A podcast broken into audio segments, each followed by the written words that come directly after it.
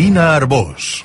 Bona tarda, són les 7. Incendi forestal al Puig d'en Batet, al massís de les Gavarres, entre el terme municipal de Sant Martí Vell, el Gironès, i Girona.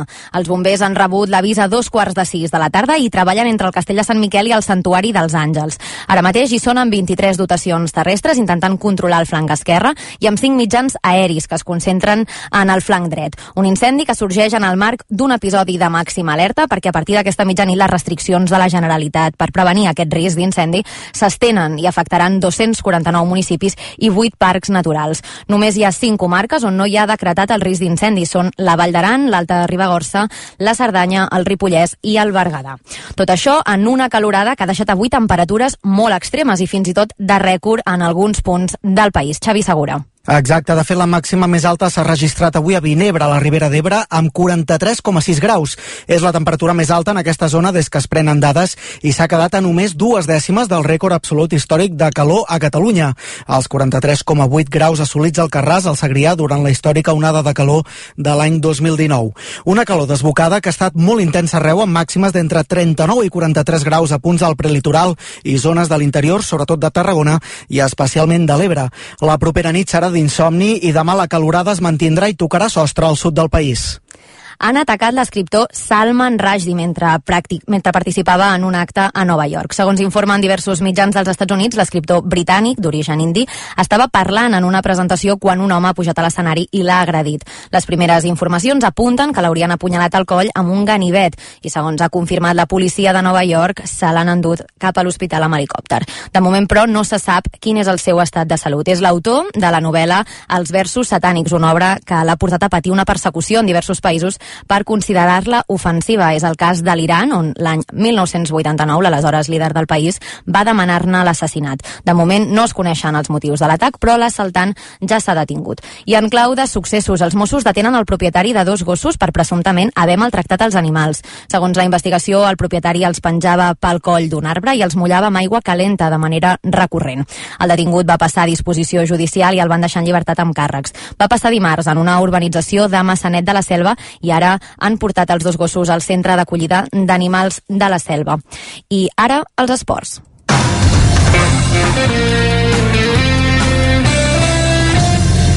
A Muriel Jové.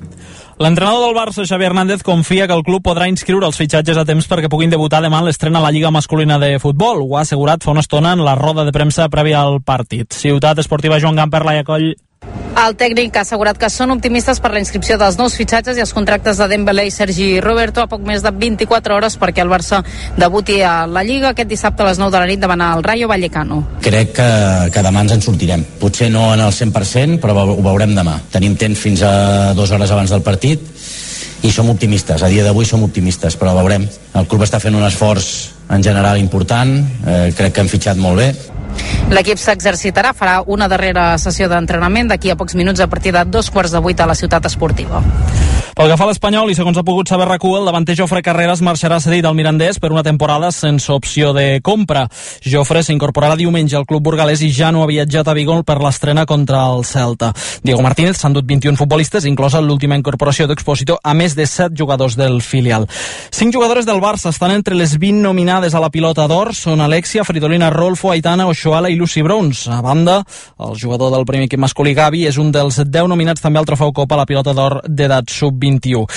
A la, una lliga femenina, per cert, que començarà amb el derbi català entre el llevant les planes i el Barça a Gavà. El primer clàssic contra el Real Madrid, uh, que jugarà l'equip blaugrana, serà a Madrid el 6 de novembre i el de la segona volta el 26 de març a Barcelona. I en plana poliesportiva, l'Europeu de Natació de Roma, la nedadora del Club Natació Sant Andreu, Àfrica Zamorano, ha quedat 6 en els 200 metres d'esquena.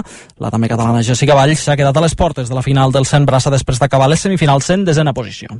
Més informació d'aquí una hora i a racu.cat. Ara us deixem amb apartaments Hawaii.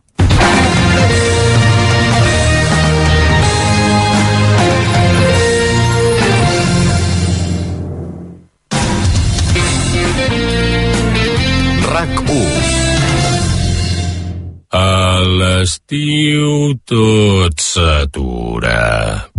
Tot menys les ganes de posar a punt la teva llar.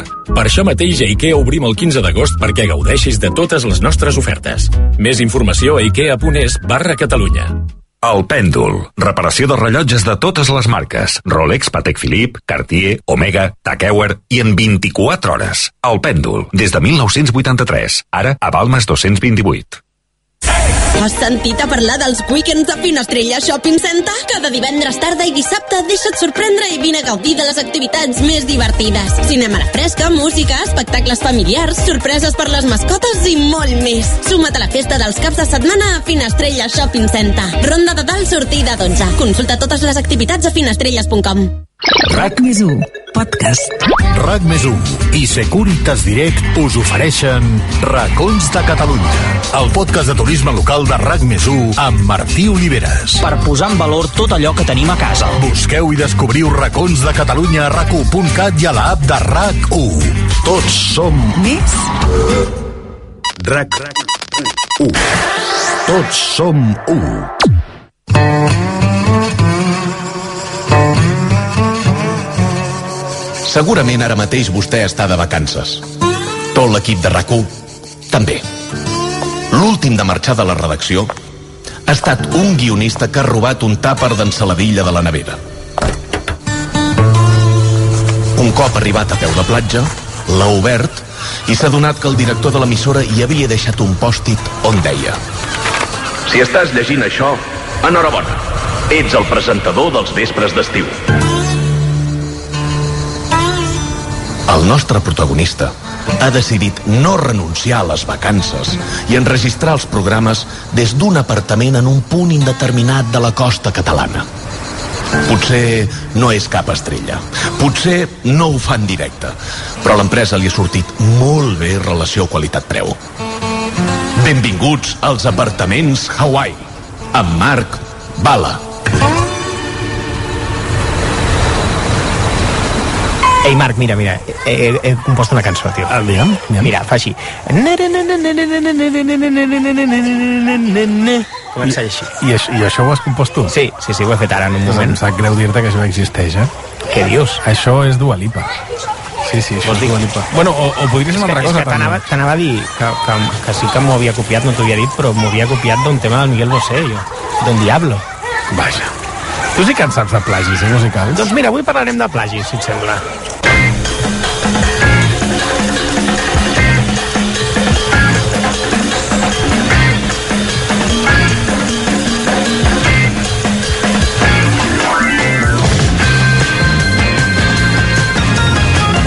Vidal, com estàs? Molt bé, i vos? estaves ballant la teva pròpia secció, ara. És que, és que eh, mira, m'ha m'ha agradat la cinta aquesta.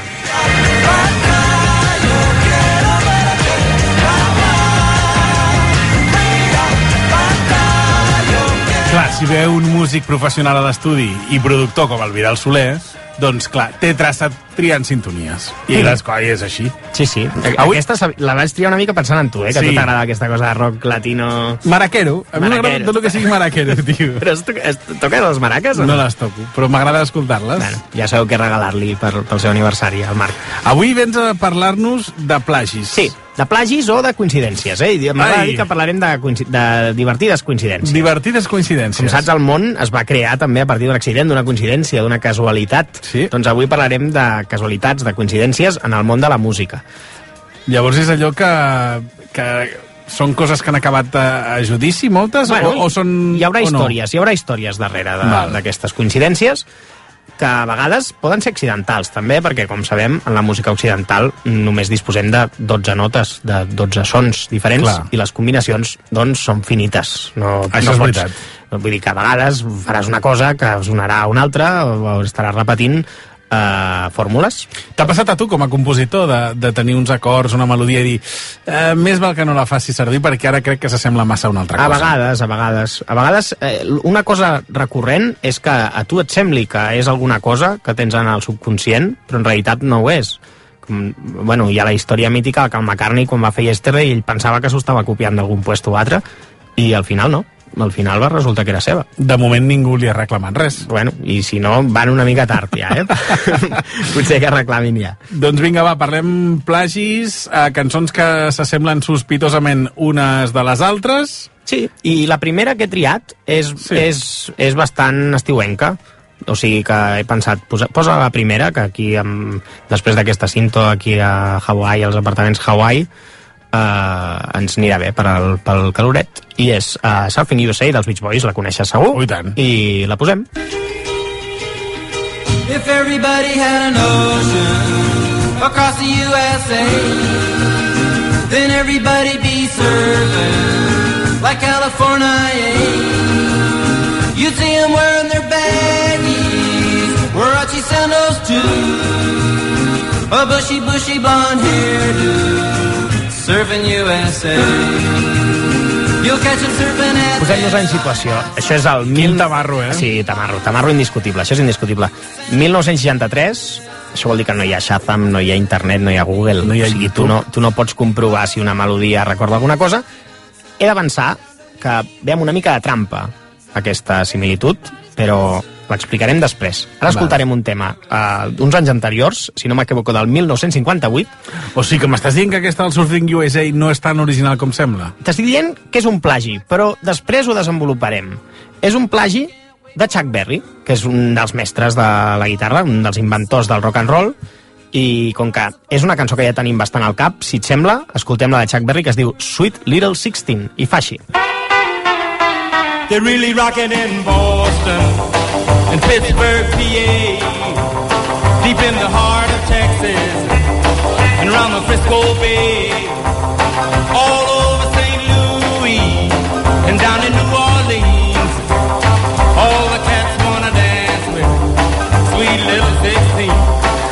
sé què em preocupa més, que li hagin plagiat la cançó o que un senyor adult faci una cançó que es digui Sweet Little Sixteen. Això és, és, re- és, és una temàtica recurrent. Preocupant, eh? En, sí, sí, en la història de do- Chuck do- Berry. Dolç, dolços eh, petits, 16, 16 anys. 16 anys, sí, sí. Uh, bueno, A mi- potser que allò arroba policia. Arroba saps? policia. Anem al tanto, anem al tanto.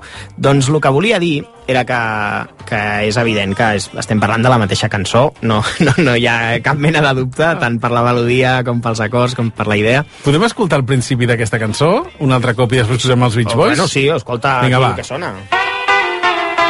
They're really rocking in Boston and Pittsburgh, I ara, la dels Beach Boys. If everybody had an ocean Home, across the US. Vale, ara anem a desvetllar la trampa, vale? El tema és que si investigues descobriràs que Chuck Berry apareix acreditat com a compositor de la música. Però, ojo, alerta, Ai, ai, ai, ai, alerta, ai. que diria aquell, alerta, perquè surt acreditat com a compositor de Surfing USA, no de Sweet Little Sixteen. Per tant, és un plagi, però és un autoplagi de la seva pròpia cançó. Què vol dir això? Que va poder Ah, això cobrar m'ho has d'explicar, això m'ho has d'explicar. O sigui, el tema és que el Brian Wilson li va dir al Chuck Dels- Berry ei, dels ajuda'm a Beach fer un Boys." tema. Exacte, el líder dels Beach Boys li va dir al Chuck Berry ajuda'm a fer una cançó nova, un hit, no sé què, i el Chuck Berry va dir "Xt, mira per aquí, t'ensenyaré una cançó que no has sentit mai, que Ah. fliparàs. Va agafar una cançó que ja tenia feta, li van posar entre el Brian Wilson i el Mike Love una, una lletra sobre, bueno, sobre surf i, i Estats Units, que és del que canten els Beach Boys habitualment. Per tant, l'autor I- original es va plagiar a ell, A ell mateix, mateix. com és, deies tu. És un plagi, sí, però és un autoplagi. Es va plagiar a I ell fins quin mateix. punt et pots plagiar tu mateix? No ho sé, Fins però mentre, mentre soni la, o sigui, mentre et vagin pagant drets per partida doble, tu, mm, tenim molt per aprendre de Chuck Berry, d'alguna manera, eh? Escolta'm. Pacific Palisades, inside, outside US, San Onofre Anson, inside, outside US, Redondo Beach, LA, inside, outside US, all over La Jolla, inside, outside US, at Waimea Bay, inside, outside, everybody's gone surfing, surfing USA. El que és indiscutible és que són dos tamarros com dos cases de pagès. Uh, les dos, Sí, les sí, dos no, indiscutiblement. Ara fotrem un salt de 30 anys per plantar-nos als 90s, que hem parlat poc dels 90s aquí, jo crec. Sí? No, no hem posat massa música I dels això 90. que som dels 90, nosaltres. No? Sí, sí, sí, fills dels 90s. Víctimes dels 90, diria jo. Uh, els Nirvana, en plena explosió del grunge, van, van treure un disco que va ser clau per, per posicionar-se al capdavant del mainstream d'aquella època i bueno, nosaltres som potser quan anàvem a l'institut érem més grans però sí que te'n recordes de que anàvem tots allò amb la samarreta llarga, de màniga llarga i la de màniga curta a Hem sobre de dir a l'audiència que anàvem junts a l'institut. Sí, sí, sí, sí. De... i anàvem tots eh, això, o sigui bueno, tot el teu entorn de, de música Sí, sí, de gent que escoltava era gent, Nirvana. gent que escoltava Nirvana, gent que escoltava Pearl De Jam fet, els ser més joves solien ser germans petits que els seus germans grans escoltaven Nirvana. Sí, sí, és la idíl·lica història dels 90, Sí, sí, la història de qualsevol persona dels anys 90. O sigui que, com que sabem que, que estàs familiaritzat eh, amb aquest grup, no et pillarà per sorpresa aquest riff que ara escoltarem.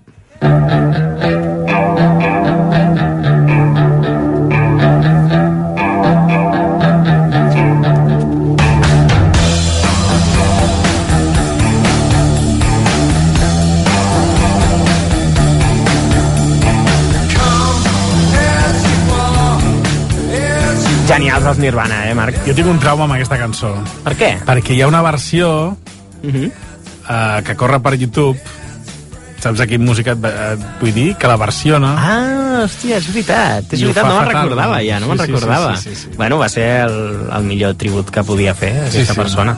Sí, sí. Uh, en qualsevol cas, si, si, si vols, ens centrem en el riff aquest de Nirvana. Puc, es pot dir l'artista, és Ramon Fim. Sí, sí, és Ramon Fim, des d'aquí una abraçada Ramon Fim.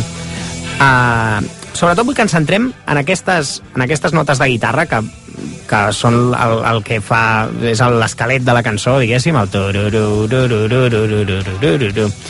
i, i això Ho has trobat en un altre lloc? ho he trobat en un altre lloc. Però d'alguns que ho van fer abans o ho van fer després? Ho van fer abans, si no, no compta que o sigui...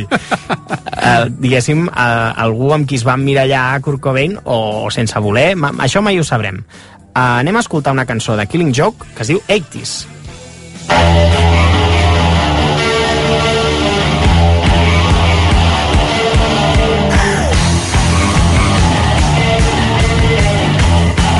Un moment, un moment. Això és Killing Joke amb una cançó que es diu 80s? Això és Killing Torna Joke. a posar Nirvana, aviam com sona. Home, una mica més lent, però és la mateixa frase. És, és, és essencialment la, mateixa idea, si més Ara no. Killing Joke?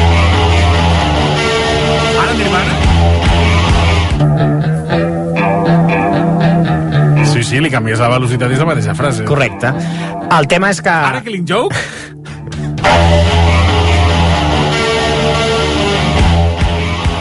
Correcte. He, he de dir que és Ja una cançó... paro, ja- ja paro, eh? És una cançó flipant, la d'Ictis, ara l'escoltarem una mica.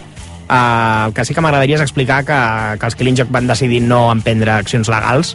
Suposo que sentien simpatia també per Nirvana i devien pensar, jo què sé, és una casualitat, li pot passar a qualsevol persona. El divertit és que més endavant han, tremat una amistat amb el Dave Grohl, que fins i tot toca amb ells en un Dave dels Grohl, seus bateria discos. de Nirvana. Sí, correcte. Amb un dels seus discos uh, més moderns, de Killing Joke, i toca la bateria i, i suposo que tot acabat en un en un... En un bonic... Sí, eh, un no? bonic desenllaç. Una, Sí, sí. Com es diu això? Quan, acaba, quan un judici acaba bé, amb un, amb un parte amistós. Ah, no, això és quan xoquen, els, quan xoquen dos cotxes. Diguéssim que aquesta gent va veure que els Nirvana els havien copiat la frase de guitarra, Mm. no van dir res i anys després, amb un dels membres de Nirvana, s'hi acaben fent amics i tot. Correcte, correcte. Fantàstic. Si et sembla bé, par parlem d'un altre parecido razonable que et volia compartir i està de rabiosa actualitat perquè ja està involucrat un dels discos que més es van escoltar l'any passat i que de ben segur van sonat unes quantes vegades els temes d'aquest disco en aquesta santa casa. Segur. Es tracta del disc d'Olivia Rodrigo, Sour, i concretament és aquest magnífic tamarro que obre el disc que es diu Brutal.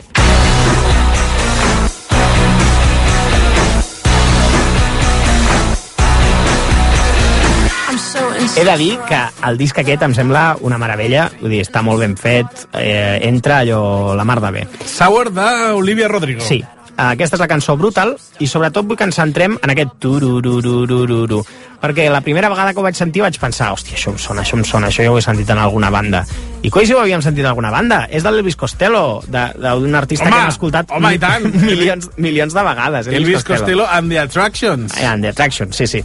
Uh, la cançó a la que em recorda es diu, es diu concretament Pump It Up i és un dels singles que més reconeixibles de l'Elvis Costello. La posem? I mentre sona, t'aniré T'aniré demanant que pensis en la melodia que hi ha el tururururururu, perquè apareixerà eventualment en algun moment de la Vale. cançó. Quan, quan soni, aixeca el dit, si Vale. vols. Vale? Des de casa podeu jugar, també. Ara està apareixent, no? Correcte. Només, només li faltaria el, el, el tecladet aquest mític de l'Elvis Costello, el, el tiririririri que va fent. Ara, ara tornarà a sonar, eh?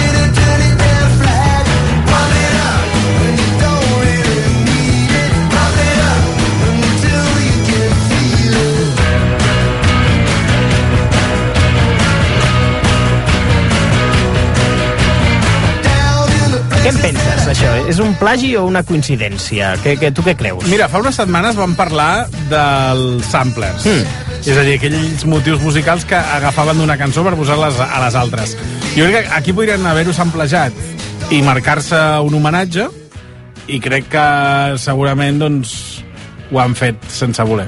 Però tu creus que, que la, la Olivia Rodrigo mm, és fan d'Elvis Costello? Per, generacionalment per, li... per què no? Bueno, pot ser-ho, pot ser-ho, to- totalment. O el seu productor. Mm, Sí, però al ser només allò, tres notes... O igual, productora.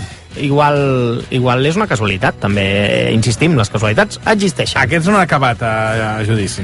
Uh, no, que jo sàpiga, no. I, i no veig Elvis Costello ja amb l'edat que té. deu dir, anar- que me quiten lo, saps allò de que me quiten lo bailao, sí. deu dir.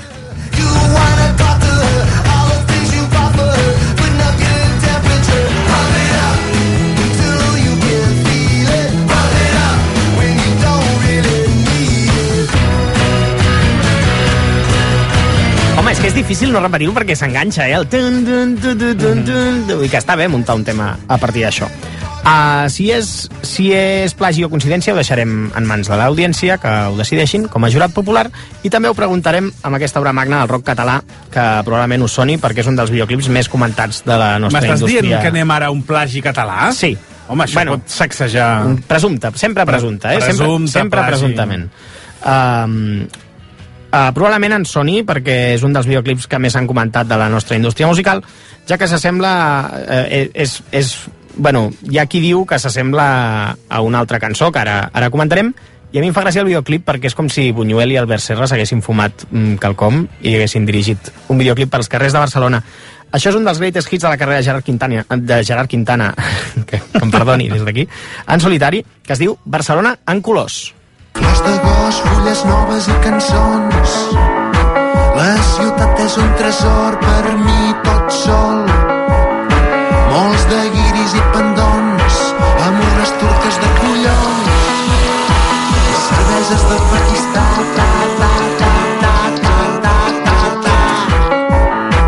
Jo crec que amb la carrera i bagatge que té Gerard Quintana liderant Sopa de Cabra no necessita plagiar ningú ni molt menys. Doncs hi ha qui va dir que guardava certes semblances amb una cançó d'un artista belga eh, que es diu Plastic Bertrand.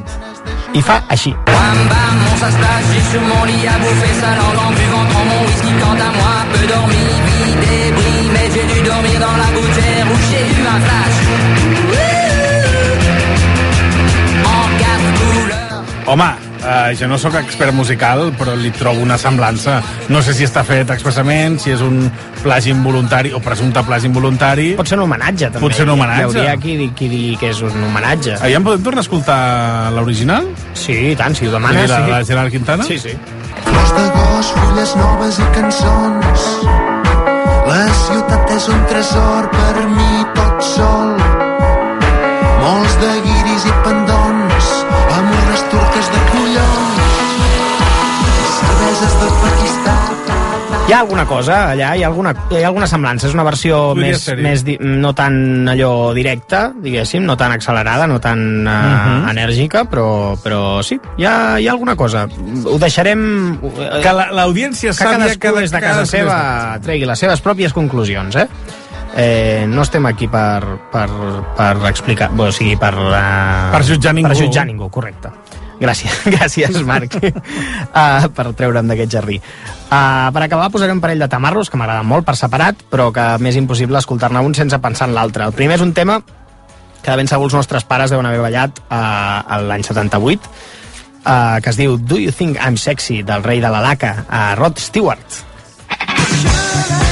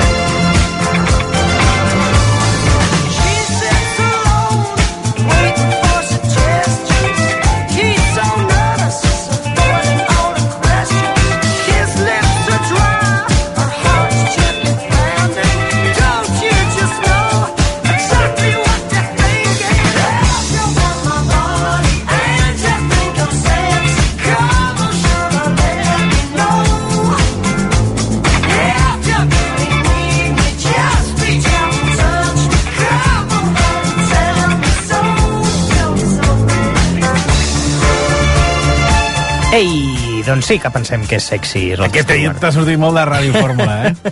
No, però ell, ell pregunta, creus que sóc sexy? Doncs sí, sí que pensem que és sexy. Sí, sí, ens ho pregunta, doncs responem. Com sexy ens sembla també aquesta cançó de 1972, eh, sis, sis anys abans, de Jorge Benjor, que és un artista brasiler bastant, bastant conegut allà, bastant, bastant papino. Uh, que li va fotre una denúncia per, Sí. per, per plagi en el seu moment.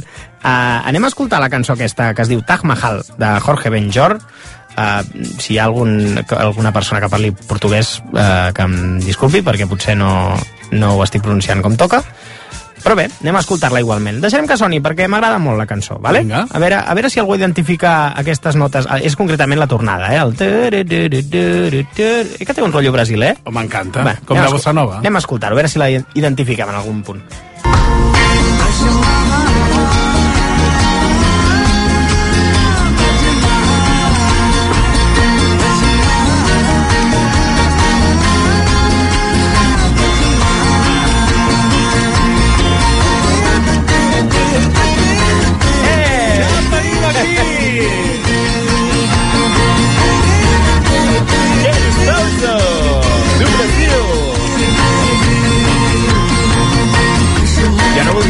però aquí hi ha algú que ha anat de vacances al Carnaval de Rio de Janeiro i ha tornat allò amb un souvenir, amb un estribillo de regal, diguéssim. Amb una tornada de, una del tornada, Brasil, eh? Amb una tornada del Brasil. I aquest senyor potser és en Rod Stewart. Potser, jo, jo no, no diria res.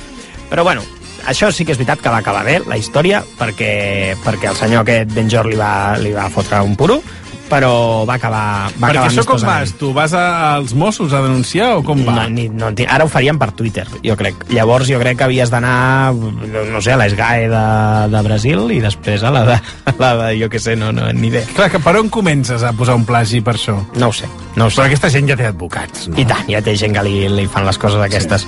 El que volia dir és I com va acabar el tema? Al final feliç.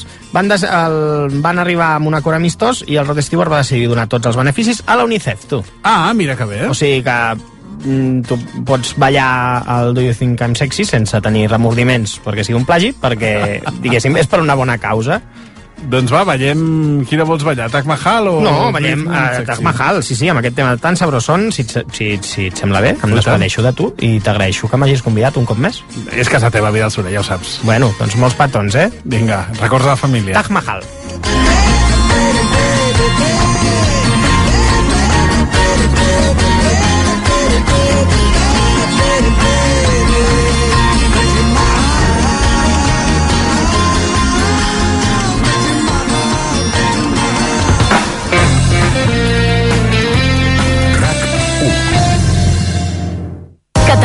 És plena de meravelles. Ens ajudes a trobar-les? RAC1, La Vanguardia i Mundo Deportivo organitzen el concurs fotogràfic Les 7 meravelles de Catalunya. Participa publicant la teva fotografia en Instagram al costat de la seva descripció i l'etiqueta coixinet 7 meravelles de Catalunya. Entre totes les fotos sortejarem un iPhone 13. Participa! Vine, fica't sota el meu paraigua. Sempre hi ha algú que cuida de tu. A Autocontrol, anunciants, agències i mitjans, portem 25 anys treballant per una publicitat responsable. Campanya finançada pel Programa de Consumidors 2014-2020 de la Unió Europea. És que la casa es queda tancada molts mesos. Bé, la casa està tancada, però ja està protegida. Amb els detectors de les portes sabem si intenten entrar i amb les càmeres detectem qualsevol moviment. Nosaltres rebem els senyals i les imatges i les posem a disposició de la policia. Això serveix perquè puguin desallotjar la casa. Així que tranquil, que nosaltres ens anticipem i sabem com actuar. Aquest estiu, protegeix la teva llar dels robatoris i ocupacions amb l'alarma de Securitas Direct. Truca ara al 944 45 46. RAC 1. Aquest dissabte, el Barça s'estrena a la Lliga. A les 9, des del Camp Nou, Barça Rayo Vallecano. Els blaugranes, després d'una pretemporada il·lusionant, volen arrencar el campionat sumant 3 punts a l'estadi. Viu el partit des d'una hora abans a rac amb Joan Maria Pou i tota la tropa. Aquest dissabte, a partir de les 8, Barça Rayo i tu diràs fins a la 1 de la matinada. El Barça Juga a rac és una gentilesa de CaixaBank, Estrella d'Am i xarxa fora de Catalunya. RAC 1. Tots som 1. RAC 1. Sentit musical. Ens demanen una cançó que jo no la conec de Beatles. Ah, Penso a que- veure, difícil, no? Michael? Michael? Michael? Uh, o Michael o Girl? Michelle. Ah, molt bé, molt bé, molt bé. Ui, tant. Quasi. Molt d'amor. Després també hi ha un altre tipus de petons, que són els Ai. que busques comissura. Uh! Si, els vas a buscar has d'estar molt segur que l'altre els vol trobar. Vull dir, saps? Vull dir, no pots arriscar. És molt arriscat, Hi ha sí. gent que és una s'aprofita. pràctica, és una pràctica arriscada. Sí. I moltes coses clares van ser els ingredients escollits per crear un programa perfecte. Bernat Masferrer, com va això? Bernat? Hola. Ai, pa- em toca, ja estic en directe. Sí, estàs en directe, Ai, Bernat. per- perdona, perdona. Però RAC1 va afegir un ingredient més sense voler a la seva poció.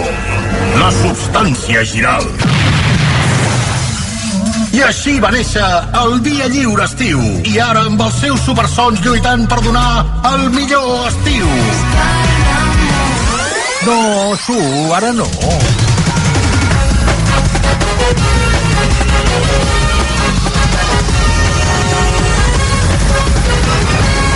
RAC 1.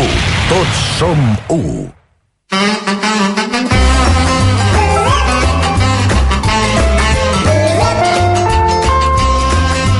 Apartaments Hawaii els informa que tot seguit projectem un dels millors moments de rac Els preguem que no entrin amb les xancletes mullades. Gràcies.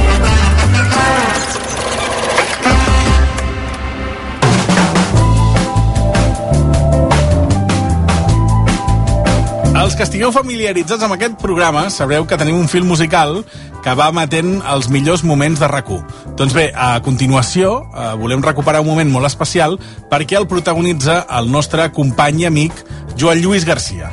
De fet, aprofitem per enviar-li una abraçada molt forta, que tenim moltes ganes que torni i el trobem molt a faltar. Doncs precisament feia una secció sobre la trinca, que ell és, ell és un gran coneixedor del tema, parlant de la cançó de Baró de Videt, i això ho feia el Via Lliure. Recuperem aquest moment. Au, vinga, vinga, vinga, arriba la trinca, trinca, trinca per salvar la humanitat. Hola, Joan Lluís Garcia. Bon dia. Avui haurem d'haver portat el de, pràcticament el de festa major. Sí. No? Perquè, Ah, en certa manera, oi? És veritat. Discàs, eh, per tu? Sí, m'hi havia Quina, escoltat el de festa tantíssim, major? molt. I tant. Cada estiu sonava un cop sencer el meu cotxe. Sí? Sempre, sempre, te les sabria dir totes. Mira, jo el tinc ara al cotxe actualment. Ah, sí? Sí, sí, sí. Què sí. estàs fent d'adoctrinament infantil? Eh, una miqueta, una miqueta. I és, és d'aquests que vas en bucle, en bucle, en bucle. Bé, en tot cas, acaba el curs a les escoles, s'ha acabat aquest divendres. Sí. També acaben les classes de rapàs Sí, de la Oh. trinca. Oh. 24 de juny ja és una bona data com per anar retirant-se. Almenys per aquesta temporada. Ja, va, això ja També ho és veritat que aquestes això coses ja passen, que la temporada passada havia d'arrencar i no sé si vas arrencar al gener.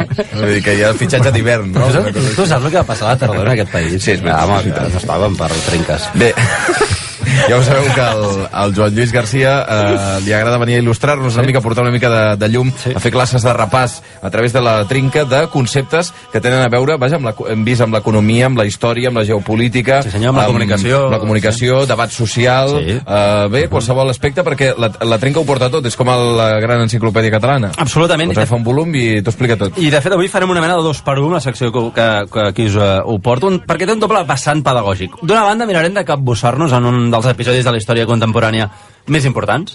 I de l'altra mirarem de desmuntar el que tot apunta que és una identitat falsa. Ui. Encara no ho podem afirmar, D'acord. però tot apunta que Estamos acabarem- trabajando en ello. Estem en ells. Eh, És un dels objectius d'aquesta secció avui. I ho farem amb una de les que és, sense cap mena de dubte, doncs, de les cançons més famoses que Ara, ara. La Trinca. Oh!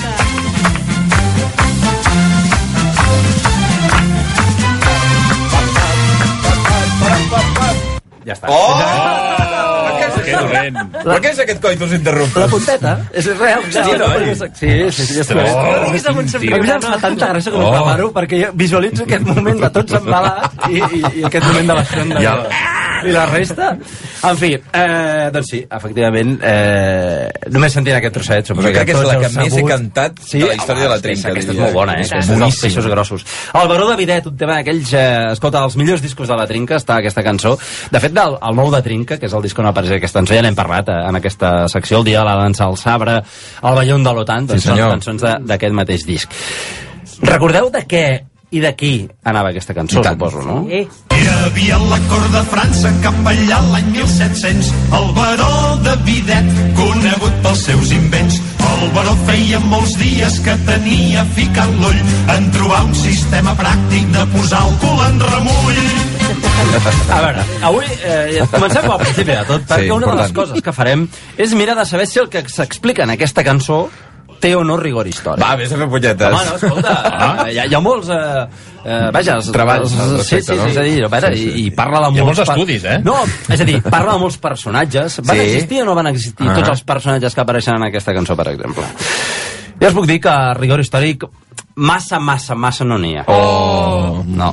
Quina decepció. El, comencem pel, pel, pel, escolta, pel Sant Cristó Gros. El famós baró de Videt, conegut pels seus invents, Jo sempre he volgut que existís. i que estava a la cort de França cap allà l'any 1700. Sí. Va existir o no va existir?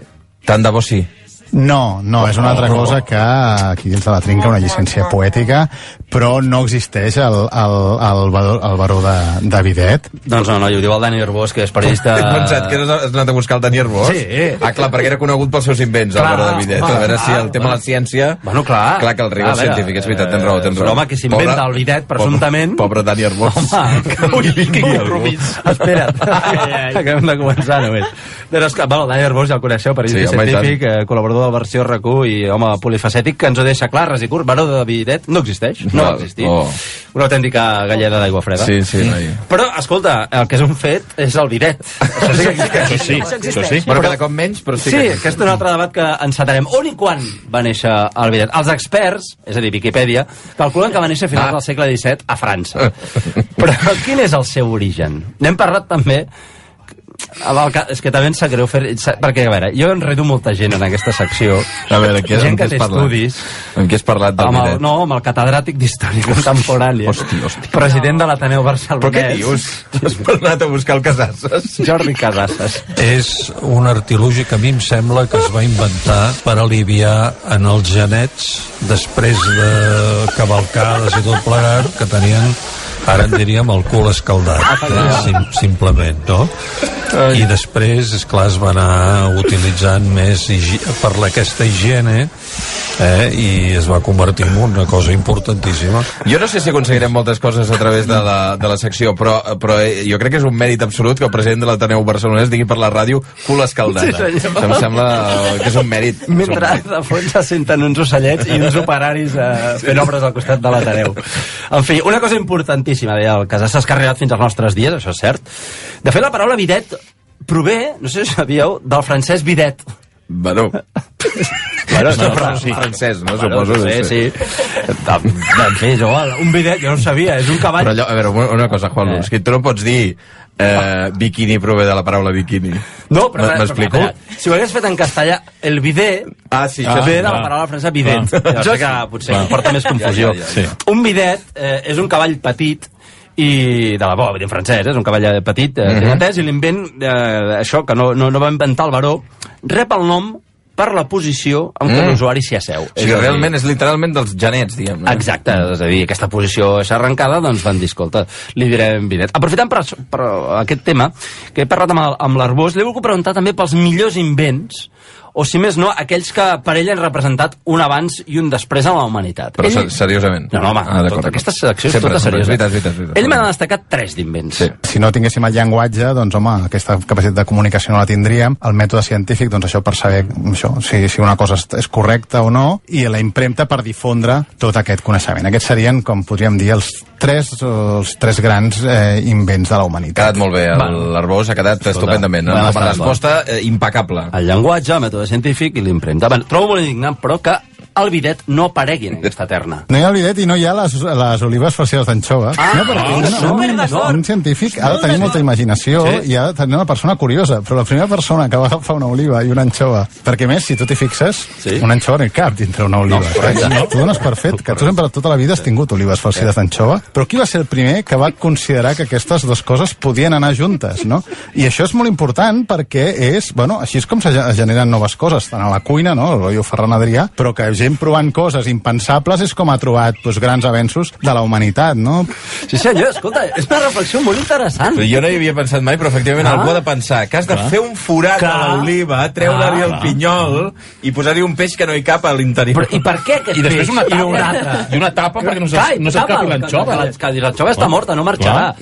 Clar, eh, però, però aquesta reflexió és molt interessant de qui va ser el primer, no?, que li va passar pel cap això, que les anxoves poden en una oliva, o no sé, el primer que va dir, ostres, els cargols es poden menjar. Això ve de la necessitat, em sembla. Va, pot ser, bé. això pot ser. O, o que si donaves de menjar un ànec com si n'hi hagués demà, el seu fetge seria excels. Qui va pensar-ho tot això? Clar, tu veus un ànec allà i no només el veus, sinó que el decideixes agafar, no només el decideixes agafar, el decideixes obrir, no només el decideixes obrir i mirar-lo, sinó que decideixes men menjar-t'ho. O sigui que això té molt de mèrit, perquè clar, algú va ser el primer, saps? Perquè clar, ara pensem en el foie gras, però això pensa en tots els bolets tòxics que hi ha al món. Ah, També hi ha saps? algú que va dir, hosti, això és una manita faloides, això fa bona pinta. I va ser el primer, i, i bueno, va ser el primer cop que va ser l'últim àpat que va fer. Clar, si són, és com un Hall of Fame dels sacrificats de la història. Sacrificats. miqueta, no? Jo sempre hi he pensat, en els pobres dels bolets, sempre. Sí, noi. En fi, el baró de Videt, eh, com ho va fer ell per arribar al seu descobriment? Quin va ser el seu mètode científic? Passejant-se per Versalles va trobar la inspiració. Veient uns ànecs sucant el cul a un sortidor i va exclamar l'estranger Eureka, je l'he trobat Sé joli, rajolinet, que les oques tonifica, si la pica en una pica, mantindrà le pompis-net. És de les millors frases que recordo amb un, un francès impossible. Mantiendrà le pompis net. Ai, doncs això, ho acabo de sentir, el mètode científic del baró de Videt era, doncs mira, veient uns ànecs sucant el cul a un sortidor.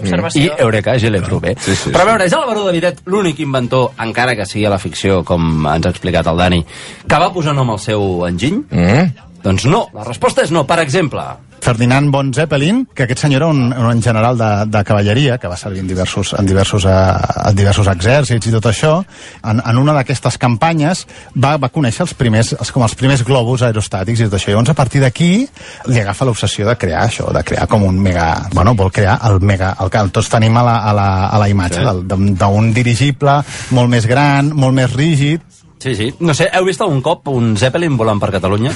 No, oi? No, no, no. la Primera Guerra Mundial es va fer servir molt. Sí que després es va veure com a, a veure, allò passa desapercebut, passa desapercebut, un Zeppelin no passa, no? Llavors, com a arma a la guerra, potser no és la millor eina. I després també va haver-hi, després, posteriorment, un, un accident, llavors, a, a, a partir dels, dels anys 20-30, sobretot els 30, es va deixar de, es va deixar de- d'utilitzar. El Hindenburg. Molt bé, escolta, eh, Oh, formatget vai, eh, marró de, de història. Ha après, eh, ha après al llarg d'aquesta- d'aquestes Sí, classes Sí, a la. PAS. A l'aeroport vol dir que serveix per alguna És cosa. el- El, el, tip, el típic alumne repel·lent. Sí, senyor. El de classe.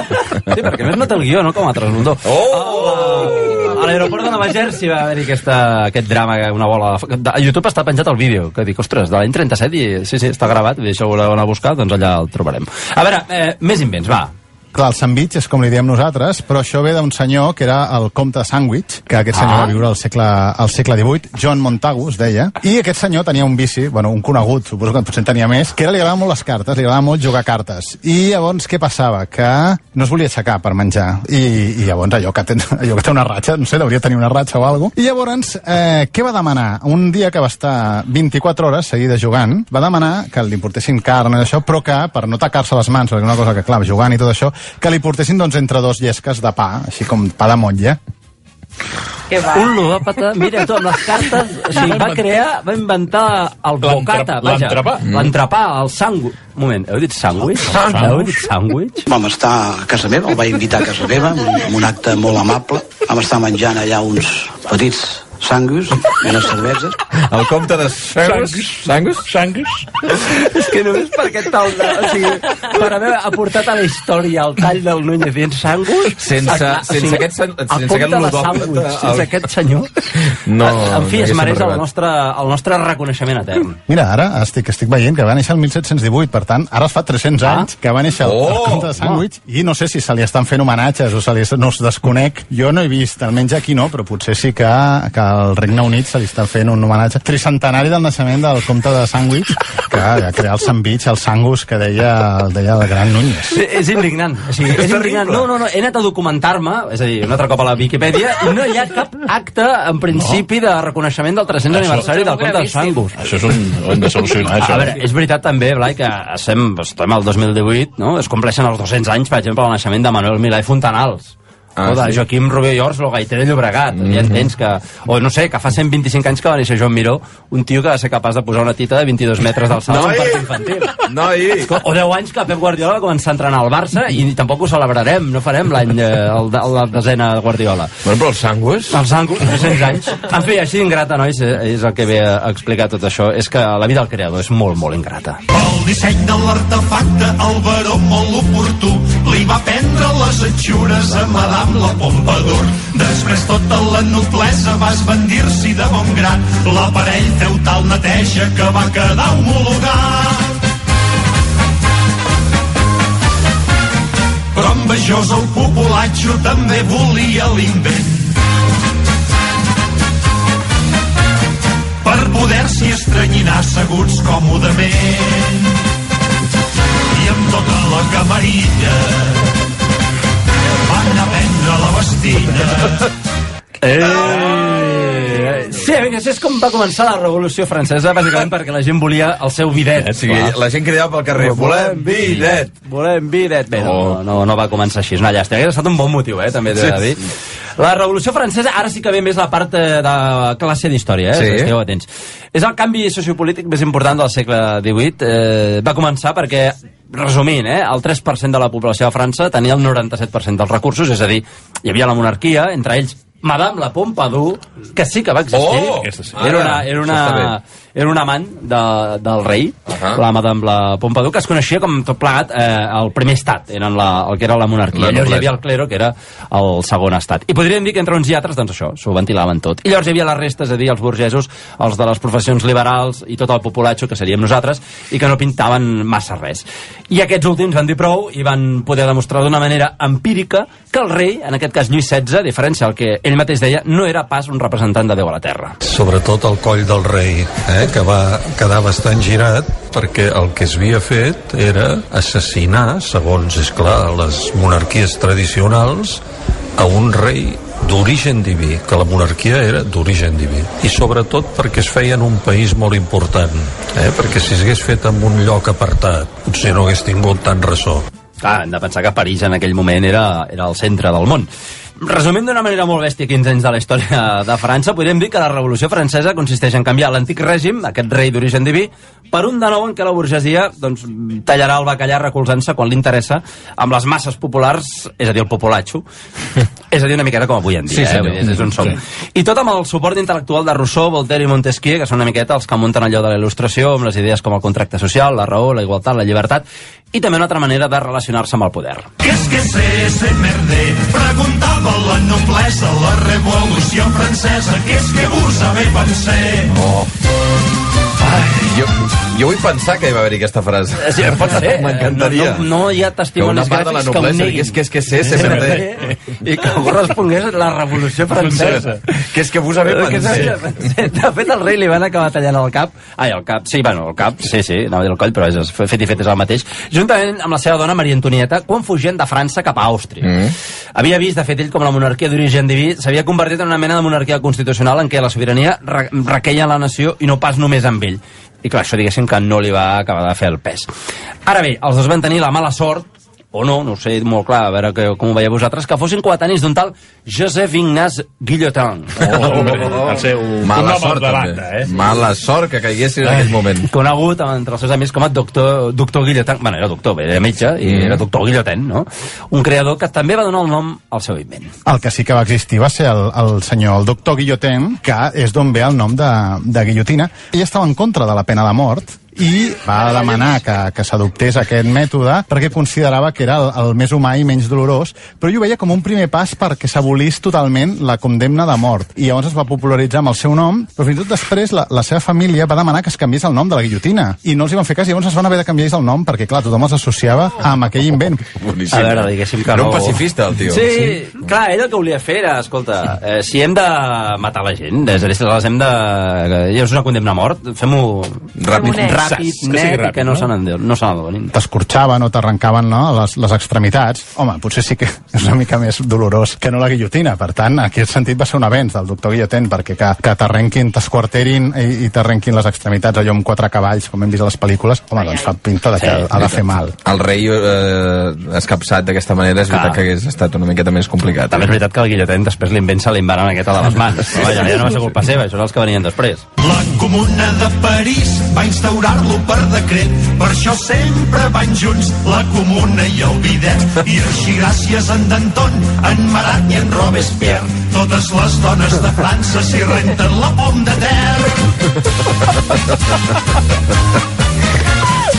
La pom de És que rimar Robespierre amb pom de terra. No, és, clar, és, és, és, és, És, el, és, és, no, no, és espectacular. Eh, Un genis. Pom de terra, eh, bé, és igual, eh, els que sabeu francès a la taula... La patatona. La patata, És la patata, la pom de terra, és una patata. terra, És una patata tota la vida.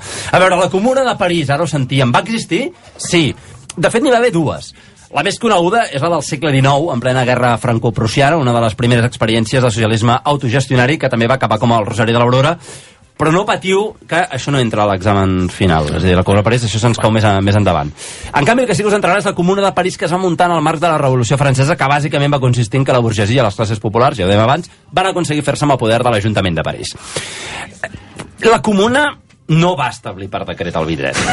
Però en aquest context sí que van aparèixer en Marat, en Danton i en Robespierre. Mm. Qui eren? Doncs en Marat era periodista. Carai. En Danton va ser ministre de Justícia i plegats des dels diaris o també des de la Convenció Nacional, des de, des de l'Assemblea, es van dedicar a tirar l'odi cap a tots aquells que no pensaven com ells, que ells eren jacobins, i que tenien com a líder més visible el senyor de la Pom de Ter, és a dir, Maximilien de Robespierre. Perquè ens entenguem, en Marat venia a ser una mena de Federico Jiménez de los Santos d'esquerres, però per comptes de bombardejar el personal, el que li posava amb ell era veure com els guillotinaven, és a dir, com feien anar l'invent del doctor Guillotin. I l'autèntic fucking amo de la guillotina, perquè així se la va qualificar, era Robespierre. Cada que vols dir que la feia anar... Uah, aquell, era, aquell li, va, li va agafar el gust, tiraven tots allà.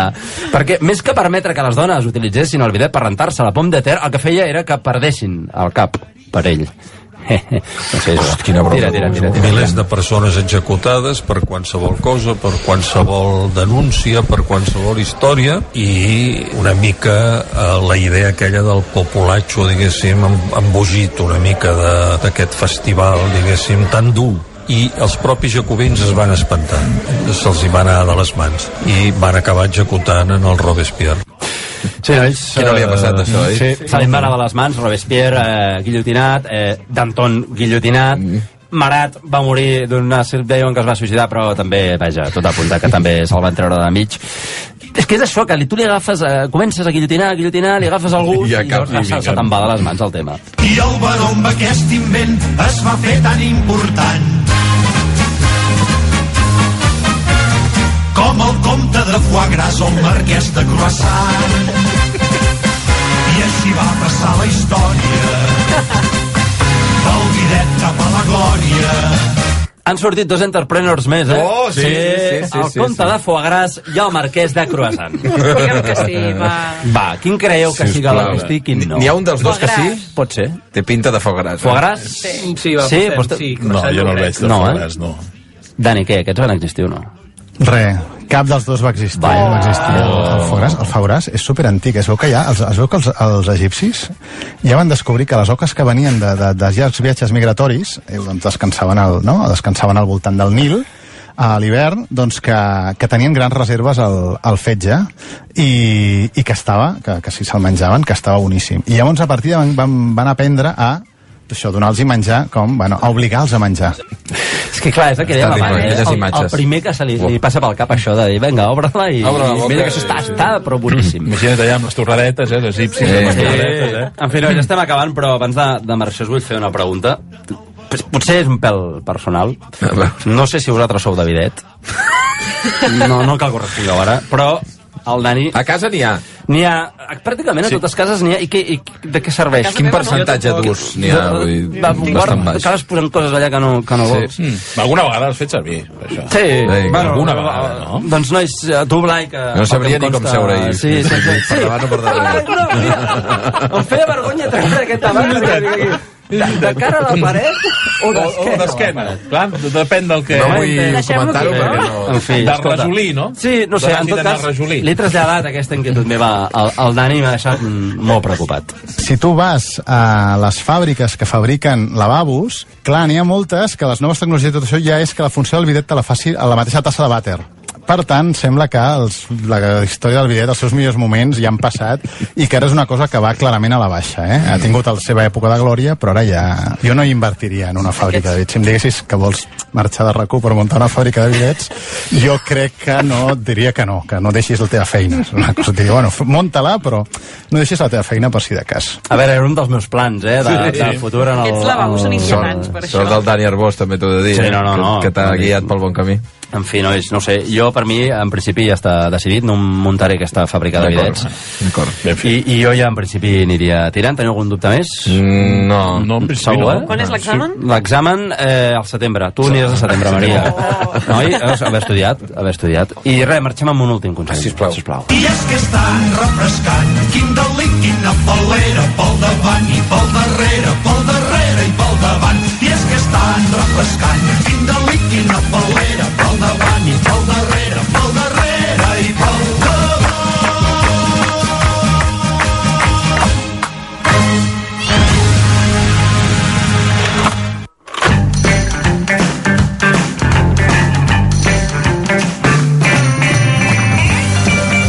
cert, us recordo que aquí, als apartaments Hawaii, tenim la nostra pròpia trinca, que són els Arribar i Ploure, que combinen música i humor, els tenim els dilluns, però com que avui és divendres, el que podem fer és posar una cançó del seu repertori. Tenen una història molt shakespeariana titulada Tomeu i Angeleta. Escolteu ben bé la lletra d'aquest duet format pel Ricard Ferrer i l'Àlex Pujols. Aquesta història conta un amor que no nasqué a Verona, va passar a Girona. M'enamora. Primer amor és tan bonic, formós, bufó, preciós, gentil, graciós, fervent, vell, dolç, brillant i tendre, però pot acabar amb tragèdia.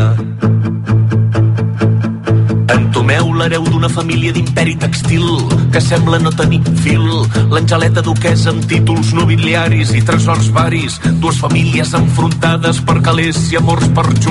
Es volen escapar i casar-se allà on no els trobi ningú. Han citat mossèn Chupito en un bar dels Pirineus per unir-los en secret. I ells dos són ateus, han brindat amb vida missa, com si no hi hagués demà. Ben torrats han celebrat un amor de veritat. Un amor de veritat. Un amor de veritat. Un amor de veritat.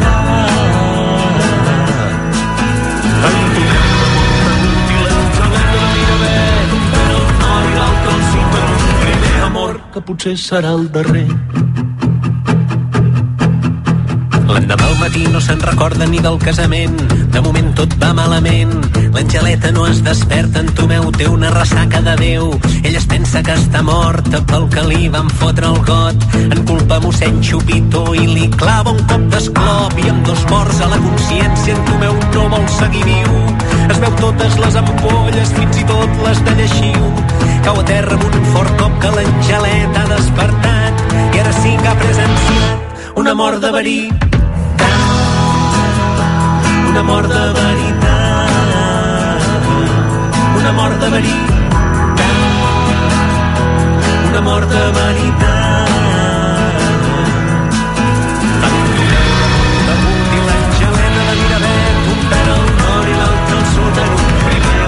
que aviat serà el darrer. L'Angeleta s'aixeca atordida i no hi veu de cap ull. No sap ni si va dir si vull. Veu a terra el seu marit, que du l'anell al dit, casada i vídua el mateix dia. Vol canviar el seu destí, no vol ser la següent mort. A la tragèdia de ses fills se'n va al riu i es tira a l'aigua per poder-se espavilar. I quan és dins se'n recorda que ella no sap pas nedar. I fugint del que està escrit li ha quedat el cor glaçat d'aquí fins l'eternitat un amor de verí un amor de veritat. Un amor de un amor de veritat.